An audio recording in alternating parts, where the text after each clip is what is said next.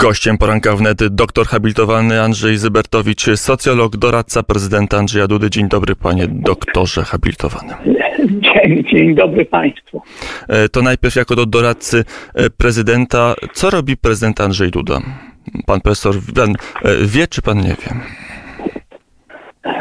Wiem, bo wczoraj miałem z nim połączenie online, omawialiśmy pewien projekt. Prezydent jest w dobrej formie, natomiast Chcę od razu zastrzec, panie redaktorze, w tej rozmowie, że ja nie jestem rzecznikiem prezydenta i rozumiem, że umówiliśmy się na pewną interpretację tych ważnych zjawisk, które mają miejsce w Polsce. E, wszystko I, prawda, panie profesorze.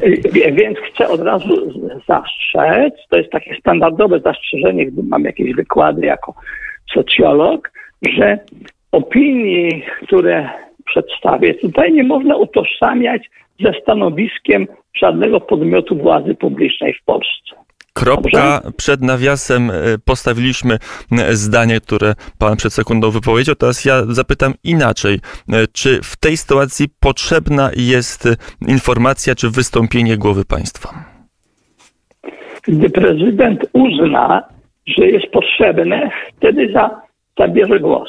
Na razie prezydent analizuje sytuację, jest w kontakcie z wieloma ludźmi, pozostając w izolacji, jeśli się nie mylę, aż do 5 listopada zalecona jest, czy ustalona jest ta kwarantanna. I prezydent na razie, analizując informacje, zbierając je z różnych źródeł, nie widzi takiej potrzeby. Chociaż sytuacja ale, jest. Ale moment, moment, moment. Umówiliśmy się na analizę socjologiczną zjawisk. W sprawie w sprawie decyzji głowy państwa proszę kontaktować się z biurem prasowym kancelarii. I chciałem do tego przejść, żeby e, pana doktora już nie męczyć i też trochę radiosłuchaczy e, tym dialogiem, który nie, nie do końca ma dużo treści, to przejdźmy do treści. E, panie doktorze habilitowany, co się dzieje na polskich ulicach i czy to jest wybuch, który można było przygotować, to jest wybuch, który, może, który jest logiczną konsekwencją zmian społecznych w Polsce, czy to jest wybuch, który jest erupcją dla pana niespodziewaną? To są bardzo e, dobre pytania. Ja postaram się na nie odpowiedzieć, ale muszę tu jeszcze jedno zastrzeżenie. Ja będę starał się tak obiektywnie to opisać, jak potrafię, ale po pierwsze jestem częścią szeroko rozumianego obozu władzy, po drugie mój światopogląd jest konserwatywny, to wywiera wpływ na moje zdolności e, e, analizy. Poza tym każdy odpowiedzialny socjolog czy psycholog społeczny, na przykład psycholog emocji, powie, że w przypadku złożonych zjawisk społecznych, zwłaszcza o takiej intensywności emocjonalnej, jest bardzo trudno jednoznacznie e, zabrać głos. Ale chciałbym zacząć od, od, od próby zrównoważenia rzeczy, bo oczywiście mój pogląd jest zdecydowanie krytyczny wobec tego, co się dzieje na ulicach, ale chciałbym jakby rozpocząć od wskazania na pewien błąd obozu dobrej zmiany. Mianowicie, jeśli chcemy bronić pewnej konserwatywnej wizji człowieka, człowieczeństwa, rodziny i konserwatywnej wizji powinności, jakie człowiek powinien w swoim życiu e, realizować, to powinniśmy, licząc się z rzeczywistością, w pierwszej kolejności, mówię my rządzący, powinniśmy w pierwszej kolejności zadbać o instytucjonalne wsparcie kobiet, w tym samotnych matek, które mogą rodzić dzieci chore. Najpierw należało zbudować sprawny system wsparcia osób niepełnosprawnych, matek osób niepełnosprawnych, system edukacji mężczyzn zwiększających ich odpowiedzialność za swoje dzieci, a dopiero później, a dopiero później doprowadzać do uzgodnienia prawa z konstytucją w taki sposób, że stawia to wysokie wymagania wobec kobiet. To jest jakby punkt, punkt pierwszy. Natomiast gdy jako socjolog patrzę na to wszystko, co się dzieje, to mam wrażenie, że wszystkie strony uczciwie powinny powiedzieć sobie, nie wiemy, co czynimy. Mianowicie z dwóch powodów. Po pierwsze, ludzkie motywacje są dla nas przejrzyste tylko cząstkowo, i po drugie, nie znamy konsekwencji swoich działań. Jeśli pan redaktor będzie chciał, mogę przedstawić swoje interpretacje zarówno motywacji, jak i możliwych konsekwencji. E, to jest, e, chcę, panie, panie profesor, już trudno, pan będzie się e, obruszał, ja powiem, panie profesorze, chcę, bo intryguje mnie, na ile to jest ruch, szczególnie w młodym pokoleniu, który będzie stały i że rośnie nam pokolenie, które uważa, bo tak można wnioskować, że wolności obywatelskie stoją niżej niż ich własne poglądy w bardzo istotnej dla nich sprawie, czy jednak to jest chwilowe wzburzenie, że e, to jest jakiś, e, jakaś erupcja takiego tłumowego, czy, czy nawet można słowa użyć tłuszcza, emocjonalnego uniesienia, które nie wpłynie na stałe poglądy osób, które teraz protestują? Sam poziom emocjonalnego uniesienia nie będzie trwał długo, ale konsekwencje mogą trwać długo. Ja zgadzam się z niektórymi przedstawicielami e, strony e, przeciwnej, tak zwanej powiedzmy liberalnej czy lewicowej, że to, co się teraz dzieje, może być interpretowane jako dokończenie pewnej rewolucji obyczajowej, która wydarzyła się w krajach bogatego Zachodu, a w Polsce nie. Dopełnienie pewnej wizji praw ludzkich, w tym przypadku tego, co się określa jako prawa reprodukcyjne kobiety. Ale ci, którzy tak mówią, zdają się nie dostrzegać, że prowadzą Polaków i Polskę do pułapki, której nam się udało paradoksalnie przez pewne nasze zacofanie gospodarcze uniknąć się. Jaka to jest pułapka?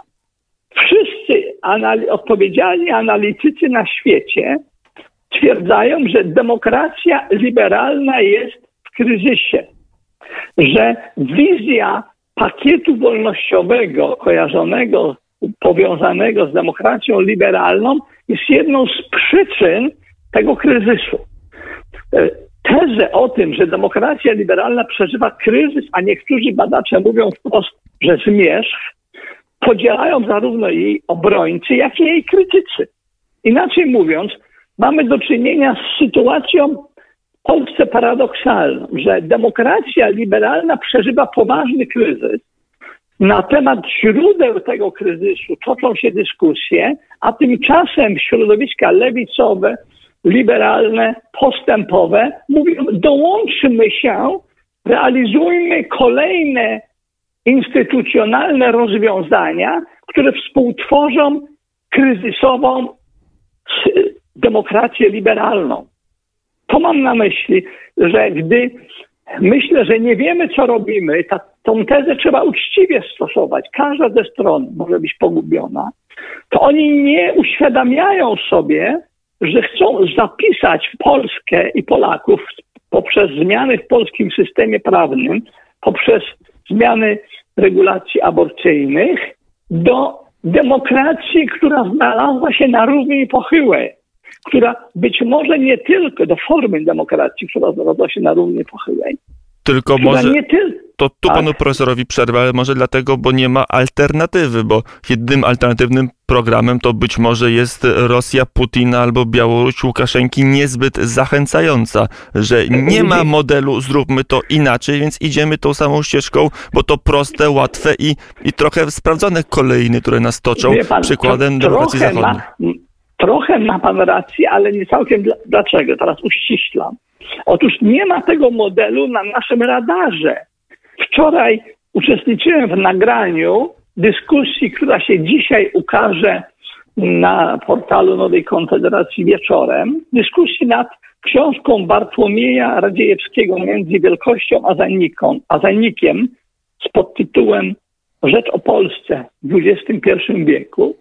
I on tam w sposób dojrzały, jak sądzę, prezentuje wizję e, republikańską, wizję neoklasycznego republikanizmu, demokracji zrównoważonej, mądrzejszej niż demokracja liberalna, która, która kładzie nacisk na prawa jednostki, a e, republikańska wizja demokracji wiąże prawa jednostki z odpowiedzialnością za samoopanowanie, za samokontrolę, za instytucje społeczne, także za, za rodzinę i także takie instytucje jak Kościół, które niosą w sobie depozyt moralny naszej całej cywilizacji.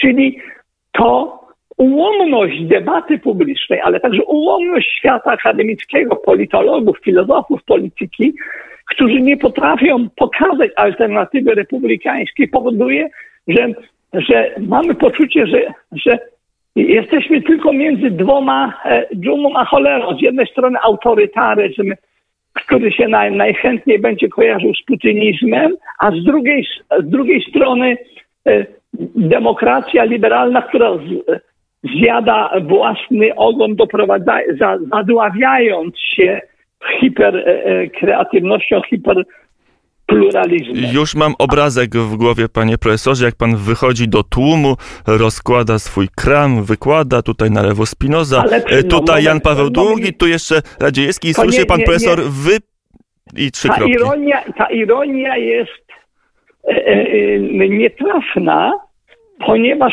dzisiaj nie jest czas na prezentowanie alternatywy republikańskiej oszalałemu tłumowi. Dzisiaj trzeba to szaleństwo zrozumieć. I otóż jak próbuję to zrozumieć socjologicznie, to trzeba powiedzieć sobie parę przykrych rzeczy, że gdy szaleństwo przekracza pewne ramy, staje się czymś więcej niż szaleństwem, czymś więcej niż szaleństwem. Gdy omawiałem w mediach, wydaną także po polsku książkę Douglasa Murray'a Szaleństwo tłumów na temat polityki genderowej, transowej, LGBTańskiej, to nie Y, nie brałem pod uwagę, że tak szybko i tak intensywnie to szaleństwo nam się zobrazuje. Ale podobnie jak z szaleństwem jest z wulgarnością. Gdy wulgarność przestaje być marginesem, a staje się manifestem politycznym, to staje się zarazem czymś innym niż tylko wulgarnością. Ja pamiętam, gdy rozpoczęła się transformacja ustrojowa na początku lat 90. już niestety byłem dosyć wiekowym człowiekiem wtedy, zauważyłem nowe zjawisko. Otóż na ulicach, w parkach, e, na imprezach, w przestrzeni społecznej nowe, nowe dziew młode dziewczyny posługiwały się wulgarnym językiem. Za, za, za, total, za perolowskiego autorytaryzmu tego nie było. I teraz wolność przyniosła ze sobą upadek obyczajów. Jeśli chcemy zrozumieć to, to wulgarne, szalone oblicze tych manifestacji, to, czego nie chciała pana, pana rozmówczyni przed chwilą przyznać, a podobno sama e, ośmiogwiazdkowe hasło wykrzykiwała, jak twierdzi poseł Rzymkowski w internecie na jednej z manifestacji bodaj przed jego biurem. Jakby, nie wiem, może się tego wstydziła, może tak jak wszyscy wypiera E, działania, które są niegodne, no pomijmy teraz e, panią poseł Matysiak, która skądinąd jest osobą e, prywatnie rzecz biorąc sympatyczną. Pomijmy teraz ten przykład. Chodzi o coś innego, że gdy ludzie okazują gniew, bo to jest fenomen, że nastąpiła kumulacja gniewu różnych grup społecznych. Obawiam się, że dzisiejszy dzień może pokazać, że skala gniewu jest głębsza niż niż się spodziewano wcześniej, niż obóz rządzący się spodziewał, to gniew, każdy psycholog emocji powie, że gniew jest zazwyczaj oznaką czegoś innego, jest wyrazem, jest ekspresją jakiejś frustracji, która mogą być skumulowane, lęków, jakiejś zawiści, zazdrości, próbą odreagowania niepowodzeń, próbą E, zamaskowania czego, że się boję. Okazuje się lęk często, żeby zamaskować swoje przerażenie. I otóż sądzę, że w sensie psychospołecznym mamy do czynienia z unikalną sytuacją skumulowania się wielu procesów i bodźców. To ja teraz. Rewolucja. Tak, proszę. Dopytam, panie profesorze, i to będzie tak. ostatnie dopytanie, bo czas jest e, nieubłagany. To jest tyle mądrych słów, że nasi radiosłuchacze to rozumieją, ale ja jestem już pogubiony, czuję wewnętrzny lęk, który każe mi zapytać proste pytanie o przełożenie na politykę e, wszystkich e, tych zjawisk, czy ta kumulacja złych emocji wobec rządu, bo były przypadki, kiedy do strajku kobiet dołączali się rolnicy, no dwie zupełnie różne grupy przed katedrą w Białymstoku broniący tej katedry narodowcy mieli transparent walczmy z PiSem, nie z tradycjami czy e, z pisiorami, czy e, to jest de facto koniec marzeń obecnej formacji rządzącej od trzeciej kadencji, koniec marzeń o tym, aby iść do centrum, aby e, mieć stabilne przez lata poparcie na poziomie 40-30 paru procent? Nie, nie, nie, nie, sądzę, że nie można tego przesądzić, ale jeśli e, e, kierownictwo obozu rządzącego nie zrozumie e, że głębokich przyczyn, także pozapolitycznych, e, tego gniewu, to nie będzie zdolne e, wygrać kolejnych wyborów. Bo te przyczyny mają część, częściowo charakter technologiczny, mianowicie media społecznościowe wyrwały całe pokolenie spod, spod wpływu tradycyjnych instytucji i autorytetów. Spod wpływu, można powiedzieć, że rewolucja naukowo-techniczna po, ukradła dzieci rodzicom, szkole, polityce edukacyjnej. Jeśli się nie wyciągnie e, wniosków z tego, nie zrozumie się, jak bardzo innym świecie ci młodzi się ukonstytuowali, a teraz zyskali złudne, bo złudne, ale rzeczywiste poczucie podmiotowości. E, e, jeśli się nie zrozumie, że wiele z tego, co widzimy na ulicach, to jest, to jest efekt e, działania pokolenia, które jest zaprogramowane na poszukiwanie doznań. To jest pokolenie, które nie ma sensu życia, nie ma wizji zbudowania stabilnej rodziny, nie ma wizji stabilnej pracy, nie ma wizji sensu życia, który, który byłby kontynuacją pracy na depozycie przodków, jeśli rządzący tego nie zrozumieją, jak głęboka zmiana cywilizacyjna nastąpiła, to bardzo trudno będzie rządzić polskim społeczeństwem. Postęp techniczny zabrał e, starszym to, co było ich siłą przez tysiąclecia, e, czyli doświadczenie, doświadczenie 65-latka tak w świecie cyfrowym Dokładnie. niewiele znaczy. E, to, ale to jest też tak, że to może jeszcze... Ale nie dopy... tylko o to chodzi. Ten, proszę zwrócić, sytuacja, w której młodzi ludzie spotykają się w parku, czy na imprezie i zamiast ze sobą rozmawiać, patrzeć sobie w oczy, obserwować swoje emocje, patrzą w smartfony, to pokazuje, że ekrany miały siłę przyciągania większą od interakcji międzyludzkich i nagle uczestniczą w czymś par excellence społecznym, co jest silniejsze od smartfonu. Oni chcą być z innymi ludźmi. Ta ich potrzeba stymulacji, niezaspokajana, dławiona także przez lockdown koronawirusowy, potrzeba przełamania swoich lęków, obaw, nagle znalazła formę zaspokojenia poprzez uczestnictwo A w masowych demonstracjach, B w otwartej kumulacji wściekłości i, i e, w pewnym sensie i prostactwa. Bo nie, to, to, ma, to, jest, to, jest, to jest to, co w innym kontekście profesor e, Ryszard Legutko, może nie całkiem innym, nazwał triumfem człowieka pospolitego, kogoś, kto nie ma, e, dla kogo potrzeba samoopanowania i pracy nad sobą nie jest wartością. Potrzeba, proszę zwrócić uwagę, jak kreatywne jest wiele z tych plakatów, tych tekturowych napisów. Wiele z tych osób tu znalazło potrzebę ekspresji, której najwyraźniej nie zaspokajają na co dzień, a uwierzyli w to, że każdy może być twórcą w dzisiejszym świecie. Dzisiaj każdy może nadawać w internecie, jest więcej twórców niż odbiorców. E, to prawda i trochę ze smutkiem to dziennikarze zawodowi e, przyznają. Przy telefonie doktor habilitowany Andrzej Zybertowicz, socjolog, doradca e, prezydenta. Ostatnie dwa pytania, pan profesor sobie wybierze. Pierwsze, dlaczego kościoły? Drugie, co ma oznaczać politycznie i społecznie orędzie Jarosława Kaczyńskiego? Albo pan profesor to splecie w jedną odpowiedź, to już zależy od pana. To, to, to, ja próbuję rozwikływać wątki, a pan chciałby, żebym zbił, ale Dlaczego Kościoły? Ja sam nie rozumiałem, dlaczego ten atak jest na, na chrześcijaństwo, na religię i przy okazji wywiadu, którego udzielałem jakiś czas temu w kulturze liberalnej, powiedziano mi, że dla środowisk progresywnych, użyjmy takiego określenia, którym oni sami się posługują, chociaż to progresja ku przepaści, jak mówiłem na początku, dla środowisk progresywnych Kościół jest symbolem instytucji patriarchalnej, instytucji będącej emanacją męskiego szowinizmu, czyli w tym schemacie myślenia e, e, genderowego, Kościół jest jakby taką, taką kapsułą, która chroni to, co złe, chroni przewagę mężczyzn niewrażliwych na kobiecość, na los kobiety,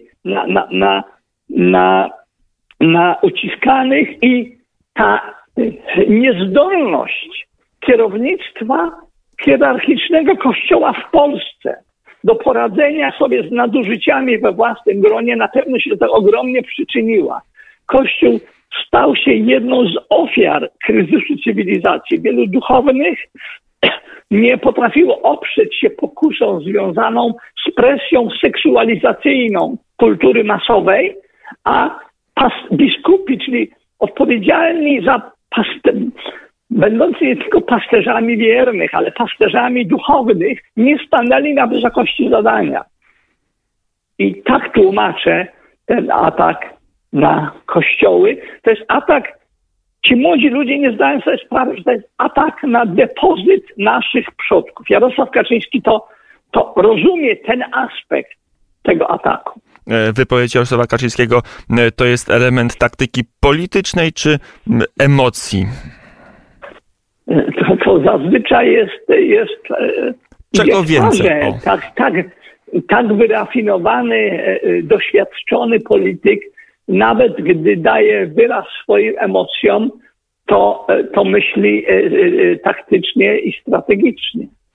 I to była odpowiedź doktora habilitowanego Andrzeja Zybertowicza, socjologa, doradcy prezydenta. Panie profesorze, dziękuję bardzo za rozmowę. Dziękuję, pozdrawiam wszystkich słuchaczy. My również pana profesora pozdrawiamy i dziękujemy za rozmowę na Twitterze, komentarze. Niesamowity wykład pana profesora i to nie jedyny komentarz na bieżąco tej rozmowy na Twitterze się ukazujący godzina 8.34.